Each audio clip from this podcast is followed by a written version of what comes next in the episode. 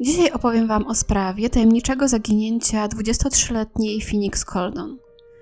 Dziewczyna pewnego dnia po prostu wyjechała z domu swoim samochodem i mimo, że auto znaleziono opuszczone zaledwie 25 minut drogi dalej, wszelki ślad po niej zaginął.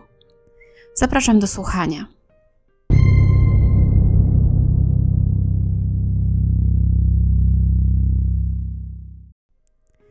Phoenix Coldon urodziła się 23 maja 1988 roku w Kalifornii jako Phoenix Rives.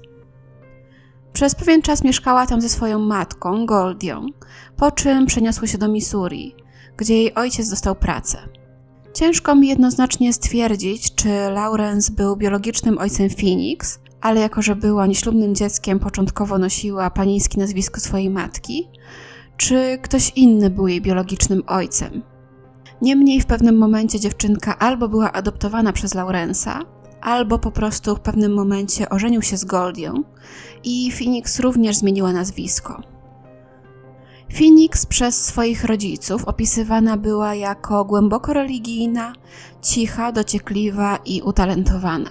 Grała na pianinie, gitarze i skrzypcach. Śpiewała w kościelnym chórze, i była nawet lokalną mistrzynią w szermierce juniorów.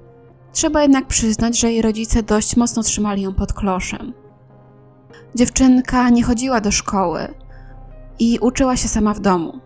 Nie zmienia to jednak faktu, że standardy nauki, które narzucili jej rodzice, były dość wyśrubowane. Matka wciąż powtarzała jej, jak powinna zachowywać się dobrze wychowana młoda dama, że siadając powinna krzyżować kostki, zawsze być dla wszystkich miła, nikomu nie sprawiać kłopotu i być cicha. Powtarzała jej też, że jej znajomi powinni być na jej poziomie lub wyższym. Gdy Phoenix skończyła 18 lat, rozpoczęła studia na Uniwersytecie Missouri i wyprowadziła się z domu. Rodzice zgodzili się płacić za jej mieszkanie, w którym miała mieszkać ze współlokatorką. Po czterech latach Goldia i Lawrence z jakichś powodów uznali jednak, że nie będą dalej finansować tego mieszkania i że zamiast tego Phoenix ma po prostu wrócić do domu i ponownie z nimi zamieszkać. Phoenix nie miała żadnych własnych pieniędzy. Nie ma żadnych informacji na temat tego, że kiedykolwiek pracowała. Tak więc nie pozostało jej nic innego, jak tylko wrócić do domu rodziców. Miało to miejsce w 2011 roku około pół roku przed jej zaginięciem. 18 grudnia 2011 roku był pozornie zwykłą niedzielą. Rano Phoenix i jej matka jak zawsze pojechały razem do kościoła. Czuć było chyba jednak między nimi jakieś napięcie, ponieważ córka nie usiadła w ławce z Goldią, ale dwie ławki za nią.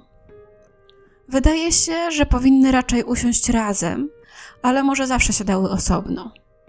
Niemniej, gdy po nabożeństwie Goldia poszła na poczęstunek zorganizowany przez ich wspólnotę, Phoenix nie dołączyła do niej i zamiast tego czekała na nią w samochodzie. Powiedziała swojej matce, żeby nie była tam zbyt długo. Później pojechały razem do sklepu spożywczego, a następnie do domu. Tam Phoenix przebrała się w spodnie dresowe i bluzę z kapturem i wyszła na dwór, żeby poćwiczyć rzucanie do kosza. Po południu Phoenix była widziana przez swoich rodziców, jak rozmawia przez telefon, siedząc w swoim samochodzie. Był to podobno jej zwyczaj. Zawsze, gdy chciała mieć trochę prywatności podczas rozmów telefonicznych, wychodziła do swojego samochodu, aby stamtąd rozmawiać.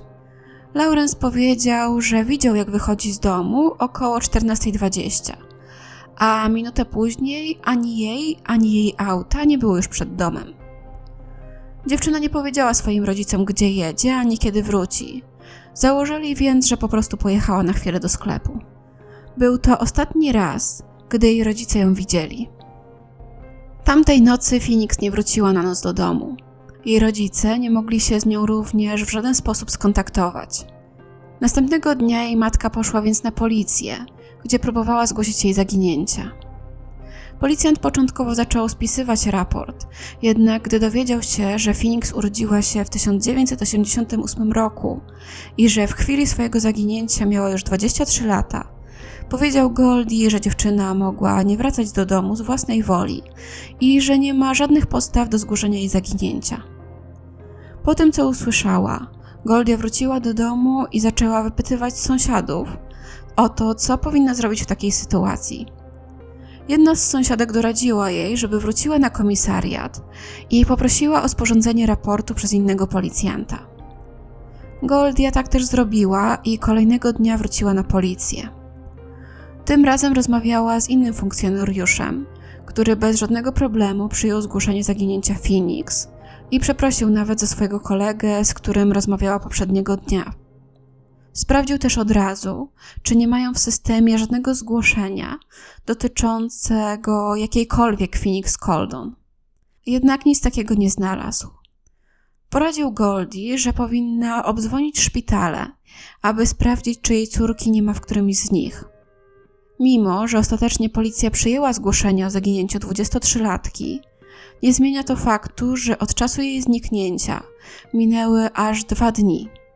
Dwa kluczowe dni, podczas których jest największa szansa na odnalezienie zaginionej osoby. Dopiero dwa tygodnie później rodzice Phoenix dowiedzieli się, że jej samochód został zaklasyfikowany jako porzucony i odholowany na policyjny parking jeszcze w dniu jej zaginięcia. Ktoś zgłosił, że samochód, którym jechała Phoenix, stoi porzucony już o 17.27, czyli około 3 godzin po tym, jak rodzice widzieli ją po raz ostatni. Było to zaledwie 25 minut drogi od jej domu, a o 18.23 samochód został odholowany. Policjant, który przybył na miejsce, sprawdził, czy auto nie jest zgłoszone jako kradzione, ale oczywiście w tamtym czasie nie mogło być żadnych zgłoszeń w systemie. Phoenix została przecież oficjalnie zgłoszona jako osoba zaginiona dopiero dwa dni później. Funkcjonariusz powiedział, że początkowo myślał, że może komuś skończyło się paliwo i dlatego zaparkował tak dziwnie na środku ulicy. Drzwi od auta były zamknięte, nikogo nie było wewnątrz i nie było w nim również żadnych rzeczy osobistych. Dopiero dwa tygodnie po skonfiskowaniu samochodu 1 lub 2 stycznia jeden z przyjaciół rodziny znalazł auto na parkingu i poinformował o tym Coldonów. Wcześniej rodzice Phoenix o niczym nie wiedzieli.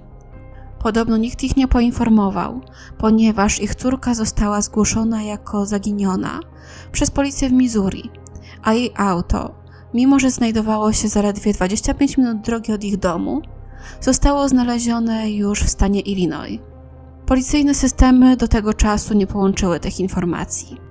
Niemniej, według większości źródeł, samochód nie został znaleziony w taki sposób, jak opisał to policjant.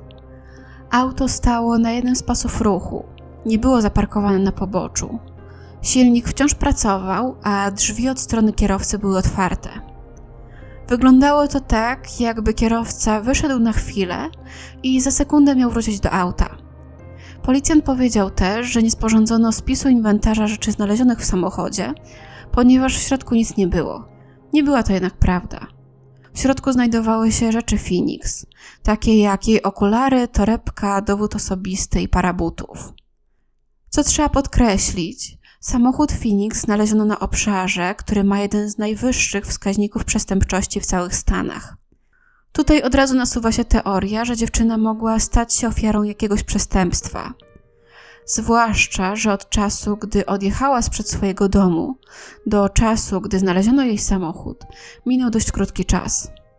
Pozostaje też pytanie, co ta chodząca do kościoła, śpiewająca w chórze i od dziecka uczona w domu studentka tam robiła?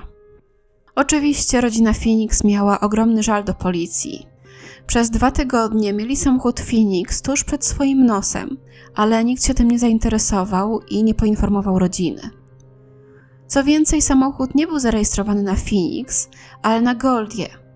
Gdyby policjanci tylko sprawdzili numery rejestracyjne, dowiedzieliby się o tym i mogliby się z nią skontaktować. Czy nawet tego nie zrobiono?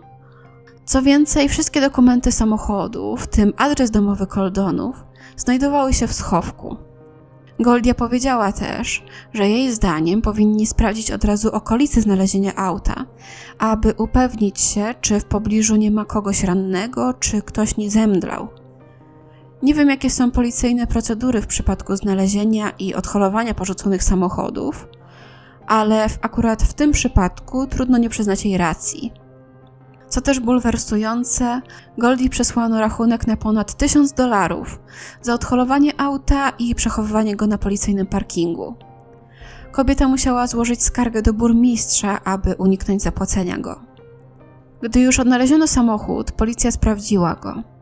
Okazało się jednak, że w aucie nie znaleziono śladów DNA nikogo poza Phoenix i jej rodzicami. W ramach śledztwa sprawdzono również aktywność na koncie bankowym 23-latki, jej telefonie czy w mediach społecznościowych. W żadnym z tych miejsc nie było jednak ani śladu aktywności od 18 grudnia, czyli od dnia jej zaginięcia. Rodzice Phoenix twierdzą, że zaginięcie ich córki nie było pilnie traktowane przez policję ze względu na rasę Phoenix. Co więcej, gdy zgłosili się do mediów, tam również usłyszeli, że temat zaginięcia ich dziecka nie nadaje się do nagłośnienia, ponieważ ludzie nie będą nim zainteresowani. Goldia jasno powiedziała: Gdyby Phoenix wyglądała jak Natalie Holloway, nie mielibyśmy tego problemu. Trudno nie znaleźć w tych słowach trochę prawdy. Sprawy tajemniczych zaginięć młodych, ładnych, białych dziewczyn, takich jak Natalie Holloway czy Maura Murray, niemal natychmiast stają się bardzo medialne i znane wręcz na całym świecie. W przypadku czarnoskórej Phoenix, jej rodzice usłyszeli, że jej historia nie jest wystarczająco interesująca, by ją opisać. Policja twierdziła jednak, że dokonali wszelkich starań, aby odnaleźć dziewczynę. Na miejsce przywieziono psy tropiące zwłoki i spędzono niezliczone godziny, aby dowiedzieć się, co się stało. Trzeba jednak jasno powiedzieć, że rodzina Phoenix zrobiła bardzo dużo dla śledztwa. Robili rzeczy, którymi właściwie powinni zajmować się policjanci. Odwiedzali nawet kluby taneczne dla panów i rozmawiali z lokalnymi prostytutkami, aby dowiedzieć się, czy ktoś tam nie słyszał o Phoenix. Uważali, że to prawdopodobne, że Phoenix została porwana i zmuszona do pracy w branży seksualnej, że mogła paść ofiarą handlu ludźmi. Wraz z upływem czasu pojawiało się coraz więcej informacji o niepokojących aspektach w życiu Phoenix.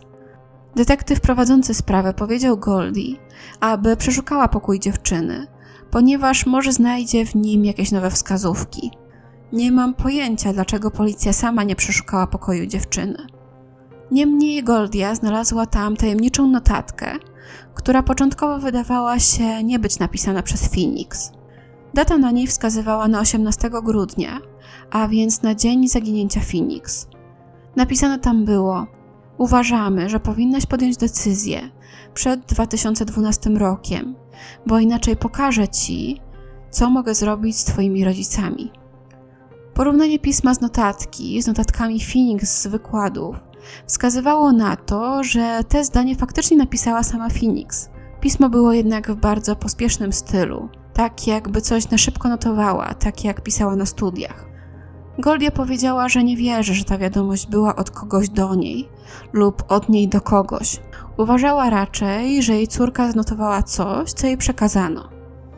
Szybko okazało się również, że w chwili swojego zaginięcia Phoenix nie była zapisana na żadne jesienne zajęcia na swoim uniwersytecie. Był środek grudnia, więc semestr jesienny musiał trwać już od dłuższego czasu. Phoenix udawała przed swoimi rodzicami, że normalnie chodzi na zajęcia, ale tego nie robiła. Kolejnym niepokojącym odkryciem było to, że Phoenix ma chłopaka, o którym nie wiedzą jej rodzice i z którym nawet przez jakiś czas mieszkała. Gdy w wieku 18 lat dziewczyna wyprowadziła się na studia i zamieszkała ze swoją współlokatorką, to tak naprawdę zamieszkała wtedy ze swoim chłopakiem. Wiedziała, że jej rodzice nigdy nie zgodziliby się, aby zamieszkała z mężczyzną przed ślubem. Tak więc po prostu to przed nimi ukrywała. Policja oczywiście skontaktowała się z tym chłopakiem, jednak ten twierdził, że nie wie, gdzie jest Phoenix i że nie rozmawiał z nią ani w dniu jej zaginięcia, ani w dzień przed nim. Nie była to jednak prawda. Zapisy z telefonów komórkowych jasno pokazują, że 17 grudnia wykonali między sobą aż 10 rozmów telefonicznych, z których jedna trwała aż 116 minut.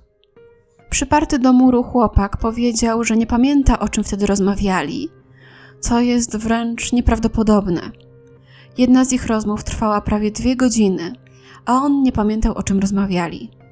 18 grudnia, w dniu zaginięcia Phoenix, ponownie do siebie dzwonili. Najpierw o 9.41 i rozmowa trwała 6 minut, a później o 13.46 i rozmowa trwała minutę. Co ciekawe, chłopak nigdy później nie próbował skontaktować się z Phoenix. Jest to dość dziwne, ponieważ sądząc po 10 rozmowach telefonicznych 17 grudnia, byli w ciągłym kontakcie. Wydaje się więc, że już na przykład samego 18 grudnia wieczorem powinien próbować do niej dodzwonić. A co dopiero, gdy stało się jasne, że Phoenix zaginęła. Wydaje się raczej, że jej własny chłopak w jednym z pierwszych odruchów powinien sięgnąć po telefon i sprawdzić, czy może Phoenix od niego odbierze. To jednak nigdy nie miało miejsca. Policja przesłuchała chłopaka, ale szybko wykluczono go z grona osób podejrzanych w sprawie. Skoro tak szybko go wykluczyli, to na pewno mieli ku temu powód. Jednak trzeba przyznać, że jego zachowanie było bardzo dziwne i podejrzane. Tutaj też można zastanawiać się, czy ten chłopak nie miał żadnych powiązań z półświadkiem i z handlem ludźmi. Może znał kogoś, kto był sutenerem i poznał go z dość naiwną i bezbronną Phoenix. W takich sytuacjach podobno często sutenerzy najpierw zyskują zaufanie dziewcząt, obdarują je prezentami, a następnie wywożą z miasta i znęcają się nad nimi. Stopniowo przemocą fizyczną czy psychiczną angażują je w prostytucję, a później już wstyd sprawia, że nawet gdy dziewczyny chciałyby wrócić do domu, to nie mogą. Oczywiście to tylko taka daleko posunięta teoria, że jej chłopak mógłby mieć coś wspólnego z jej zaginięciem i ewentualnym handlem ludźmi. Nie ma na to żadnych dowodów, a przynajmniej my nie wiemy o żadnych dowodach. Okazało się również, że Phoenix miała drugi, sekretny telefon, o którym nie wiedzieli jej rodzice ani nawet jej chłopak. Używała tej komórki do kontaktowania się z innym niż jej chłopak mężczyzną. Mężczyzną, który znany był z przemocy, i mężczyzną, który miał zakaz zbliżania się do Phoenix. Podczas śledztwa wyszło na jaw bardzo wiele aspektów osobowości Phoenix. Dziewczyna właściwie prowadziła w pewien sposób podwójne życie. Jej rodzina opisywała ją jako grzeczną, przyjazną, inteligentną i głęboko religijną studentkę i młodą damę. Policja rozmawiała z jej różnymi przyjaciółmi i niektórzy znali właśnie taką Phoenix, a niektórzy dziewczynę spędzającą czas z chłopakami, eksperymentującą z narkotykami i której szkoła nie idzie zbyt dobrze. Wydaje się, że chowana pod kloszem dziewczyna, gdy dorastała, chciała rozwinąć swoje skrzydła, jednak jej rodzice nigdy by tego nie zaakceptowali. Tak więc po prostu ukrywała przed nimi swoje życie i udawała, że wszystko wygląda właśnie tak, jakby tego chcieli. Nie wiem, czy to sytuacja, w której się znalazła, czyli prowadzenie podwójnego życia i ukrywanie go przed rodzicami, czy coś innego, sprawiło, że wyraźnie wyglądało na to, że Phoenix ma już dość. Jej przyjaciele powiedzieli, że w tygodniach przed swoim zaginięciem wyraźnie wydawała się być bardziej rozdrażniona i przygnębiona. Wydawało się też, jakby miała paranoję. Mniej więcej na miesiąc przed swoim zaginięciem nakręciła filmik, na którym powiedziała, że ma już dość i chce zacząć wszystko od nowa. Powiedziała: Po prostu chcę być szczęśliwa. Nie pamiętam, kiedy byłam szczęśliwa, naprawdę szczęśliwa. Czuję się głupio, bo trochę sobie odpuściłam. Prawdopodobnie byłabym w lepszej sytuacji, gdybym trzymała się tego, co było. Odmówiła też modlitwę o pogodę ducha, czyli Boże, użycz mi pogody ducha, abym godził się z tym, czego nie mogę zmienić, odwagi, abym zmieniał to, co mogę zmienić, i mądrości, abym odróżniał jedno od drugiego. Te słowa oczywiście można odnieść do tego, że Phoenix się w coś wplątała, że wolałaby, żeby dalej było tak jak kiedyś, gdy chodziła na studia i miała dobre relacje ze swoimi rodzicami. Nie musiała niczego przed nimi ukrywać. Ale to oczywiście tylko moja interpretacja. Nie mam wglądu do całego życia Phoenix i być może chodziło jej o coś całkiem innego. Rodzice Phoenix przeznaczyli wszystkie swoje pieniądze na odnalezienie córki. Wszystko, co mieli, przeznaczyli na prywatnych detektywów i sprawdzanie wszelkich śladów i tropów. Na przykład pewien mężczyzna z Teksasu twierdził, że wie, gdzie jest Phoenix i powiedział nawet bardzo przekonujące szczegóły. Po wydaniu mnóstwa pieniędzy na detektywów, mężczyzna ten powiedział jednak, że po prostu wymyślił swoją historię i że nie wie, gdzie jest Phoenix. Wymyślił to wszystko, aby zwrócić na siebie uwagę. Po tej sytuacji Coldonowie niestety stracili swój rodzinny dom. Nie byli w stanie spłacać hipoteki, ponieważ wszystkie pieniądze wydali na poszukiwania Phoenix. Co jeszcze smutniejsze, policja powiedziała, że nie mogą temu mężczyźnie z Teksasu niczego zrobić. Zdaniem Goldie powinien ponieść konsekwencje swojego nieśmiesznego żartu, ponieważ po prostu utrudnił śledztwo. Zabrał pieniądze, czas i energię, którą mogli wykorzystać na śledzenie innych tropów. Do nowego domu Coldonowie zabrali choinkę, która stała w ich starym domu od czasu zaginięcia Phoenix. Wciąż leżą pod nią kolorowe prezenty dla ich córki. Goldia i Lawrence mają nadzieję, że pewnego dnia Phoenix stanie w progu ich domu i że będzie mogła je rozpakować. Przejdźmy teraz do teorii dotyczących tego, co stało się z Phoenix. Pierwsza z nich mówi o tym, że Phoenix została uprowadzona przez handlarzy żywym towarem.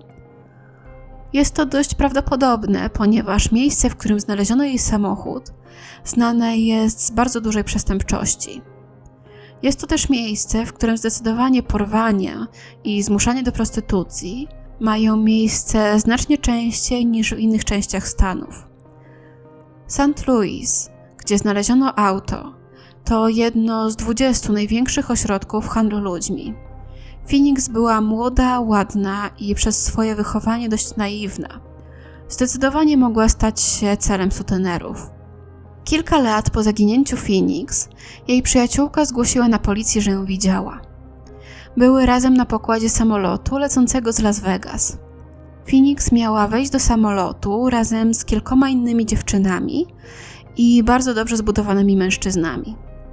Dziewczyna zawołała do niej nawet po imieniu, a Phoenix odwróciła się do niej i jakby udawała, że jej nie poznaje. Oczywiście mogła być to zupełnie obca dziewczyna, a nie Phoenix, ale wtedy raczej nie odwróciłaby się, słysząc swoje imię. Inne kobiety na pokładzie nie odwróciły się.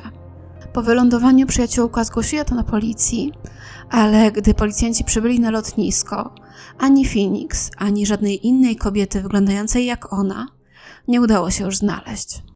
Goldie powiedziała również, że bardzo podobny przypadek do przypadku Phoenix miał miejsce kilka lat wcześniej w St. Louis. Młoda dziewczyna została porwana ze swojego samochodu, gdy stała na światłach. Jej samochód zostawiono na ulicy, a ją samą zabrano do domu w Illinois. Tam grupa mężczyzn pobiła ją i zgwałciła. Chcieli, aby pracowała dla nich jako prostytutka, jednak na szczęście w pewnym momencie kobiecie udało się uciec. Tak więc takie sytuacje zdarzały się już wcześniej w tamtej okolicy. Druga teoria głosi, że Phoenix po prostu stała się ofiarą przestępstwa. Tutaj zdecydowanie podejrzany jest chłopak od drugiej komórki Phoenix. Mężczyzna jeszcze w grudniu bardzo interesował się sprawą zaginięcia dziewczyny. Codziennie śledził postępy śledztwa w mediach i w internecie. Gdy dziewczyna tego mężczyzny zaczęła interesować się, dlaczego tak interesuje go zaginięcie jakiejś dziewczyny, ten odpowiedział jej, że z nią spał.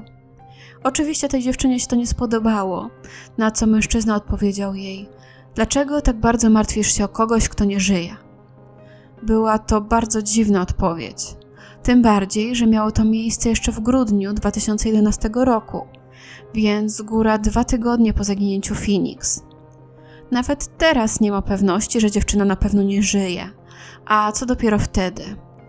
Może tak powiedział, żeby jego dziewczyna dała mu w końcu spokój, ale trzeba przyznać, że te słowa były bardzo przerażające i dające do myślenia. Inna teoria mówi o tym, że Phoenix uciekła z własnej woli, aby zacząć życie od nowa. W jej przypadku to faktycznie ma jakiś sens. Może miała już dość ciągłej kontroli ze strony swoich rodziców i prowadzenia podwójnego życia. Wydaje się jednak, że w takim przypadku raczej zabrałaby ze sobą swoje ubrania, kosmetyki czy chociaż pieniądze. Pomijając fakt, że raczej trudno byłoby się jej ukrywać przez te wszystkie lata i nigdzie nie podawać swojej prawdziwej tożsamości, to w pewnym momencie powinna się też raczej skontaktować ze swoimi rodzicami. Chociażby po to, żeby przestali jej szukać i się o nią martwić. Jej rodzice byli bardzo surowi i chcieli, żeby żyła tak, a nie inaczej, ale robili to z troski o nią. Nie znęcali się nad nią. Nie ma raczej powodów, aby tak długo się na nich mścić. Jednak z tą teorią wiąże się coś, o czym wcześniej nie powiedziałam. Na krótko przed swoim zaginięciem, Phoenix z jakichś powodów otworzyła safe w swoim domu. Znalazła tam 2,5 tysiąca dolarów, które oczywiście mogła wykorzystać, aby rozpocząć nowe życie jako ktoś inny. Ale co ważniejsze, znalazła tam również dwa swoje akty urodzenia. Jeden na nazwisko Phoenix Coldon, a drugi na nazwisko Phoenix Rives. Nie wiadomo, czy wcześniej Phoenix wiedziała, że jest nieślubnym dzieckiem. Jeżeli jednak nie, mogło to dla niej bardzo dużo zmienić. Jej rodzice wychowali ją w bardzo religijnym i surowym duchu. Nie mogła zamieszkać z chłopakiem przed ślubem, musiała być miłą, młodą damą. A tymczasem jej własna matka urodziła ją jako panna. Po sprawdzeniu okazało się, że w całych Stanach w tamtym czasie mieszkały tylko cztery osoby o personaliach Phoenix Rives. Warto było sprawdzić, czy dziewczyna nie zaczęła nowego życia właśnie pod tym nazwiskiem. Trzy z tych kobiet miały jakąś historię. Datę urodzenia, numer ubezpieczenia, historię zatrudnienia, cokolwiek. Przy czwartej, Phoenix, jednak ślad zaczynał się dopiero w styczniu 2012 roku, czyli kilka tygodni po zaginięciu. Był to bardzo obiecujący ślad. Udało się znaleźć jej adres, który znajdował się na Alasce, i postanowiono to sprawdzić. Drzwi otworzyła jednak jakaś kobieta, która powiedziała, że od lat mieszka pod tym adresem i nigdy nie słyszała o żadnej Phoenix Rives. Pozostali mieszkańcy również nigdy nie słyszeli tego nazwiska. Ślad był bardzo obiecujący, jednak nic z niego nie wynikło. Historia zaginięcia Phoenix jest bardzo podobna do zaginięcia 36-letniej Stacy English w Atlancie, 500 mil od domu Phoenix, w grudniu 2011 roku. Kobieta po raz ostatni widziana była w okolicach Bożego Narodzenia, a jej zaginięcie zgłoszono na policji 27 grudnia. Wkrótce po jej zaginięciu jej samochód został odnaleziony z włączonym silnikiem 20 mil od jej domu a miesiąc później, 23 stycznia, jej ciało znaleziono pod drzewem w gęsto zarośniętym lesie, około mili od miejsca, w którym znaleziono jej auto. Sekcja zwłok wykazała, że przyczyną jej śmierci była hipotermia i że na ciele nie ma żadnych śladów przemocy. Jednak jej rodzina nie wierzy, żeby sama poszła do tego lasu i po prostu zamarzła tam na śmierć. Ich zdaniem ktoś musiał być zaangażowany w jej śmierć. Ostatnią osobą, która widziała Stacy żywą, był niejaki Robert Kirk, który pochodził z St. Louis. Stacy zaprosiła go do swojego domu na Boże Narodzenie, jednak w pewnym momencie bardzo się pokłócili i kobieta wyrzuciła go z mieszkania. Mężczyznę oczywiście przesłuchano i oczyszczono z wszelkich podejrzeń. Ciekawym jest jednak to, że zaginięcie Stacy wyglądało bardzo podobnie do zaginięcia Phoenix, i co więcej, Robert uczył się na tej samej uczelni co Phoenix. Nie wiem, czy studiował w tym samym czasie i czy kiedykolwiek się spotkali, jednak w mediach społecznościowych mieli wspólnych znajomych. I na dzisiaj to już wszystko, co dla Was przygotowałam. Jestem bardzo ciekawa, czy skłaniacie się do którejś z przedstawionych teorii, czy może macie jakąś swoją własną. Muszę przyznać, że zazwyczaj w takich sprawach Wszelkie przedstawione teorie mają dla mnie jakieś luki i że żadna do końca mnie nie przekonuje. Jednak w tej sprawie właściwie każda z teorii ma coś w sobie i wydaje mi się w pewien sposób przekonująca. Napiszcie koniecznie w komentarzach, co myślicie. A tymczasem trzymajcie się bezpiecznie i do usłyszenia niedługo.